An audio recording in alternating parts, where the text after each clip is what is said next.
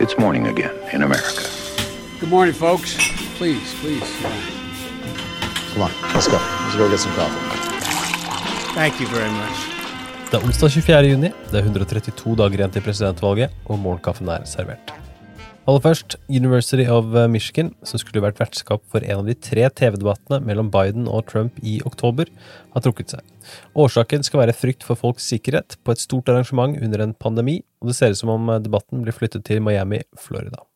Dagens første sak. Trump presiserer at han var seriøs og mente det han sa, da han ønsket å minske omfanget av smittetesting av koronaviruset. Trump uttalte på et valgkamparrangement i Tulsa på lørdag at han gjerne skulle hatt mindre testing, ettersom økt testing resulterer i økt antall smittede. Som du hørte i går, så kalte da Trump også smittetesting for et tveegget sverd. I ettertid uttalte topprådgivere fra Trump-administrasjonen at presidenten åpenbart tullet, men på spørsmål fra en reporter så fortalte imidlertid Trump i går at han mente det han sa. I don't kid, sa Trump. I motsetning til hva hans rådgivere og ansatte, inkludert pressesekretæren, har uttalt til media. Samtidig uttaler dr. Anthony Fauci, ekspert i Det hvite hus sitt koronautvalg, at de ikke har blitt bedt om å minske testingen, men at planene i stedet er å øke omfanget av testing. Også dr. Deborah Bergs har i en telefonsamtale med guvernører fortalt at økt testing er essensielt for å kontrollere pandemien.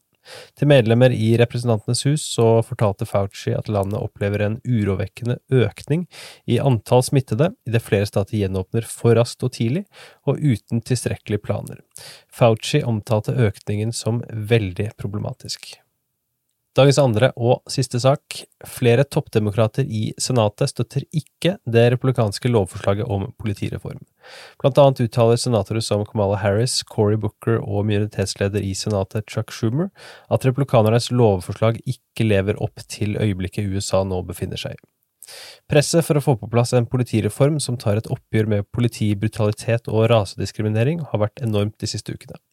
I et brev til Mitch McConnell, majoritetsleder av Senatet, så skriver de nevnte demokratiske senatorene at forslaget fra replikanerne substansielt er mangelfullt, og at det derfor ikke går langt nok til å tjene som et utgangspunkt for forhandlinger. Det republikanske lovforslaget innebærer insentiver for politiet for å endre sin praksis.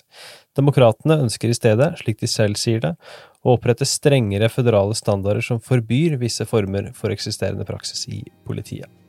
Dagens utgave av Målkaffen er servert av Ingrid Sofie Stangeby Wendsel og undertegnede Are Togflaten.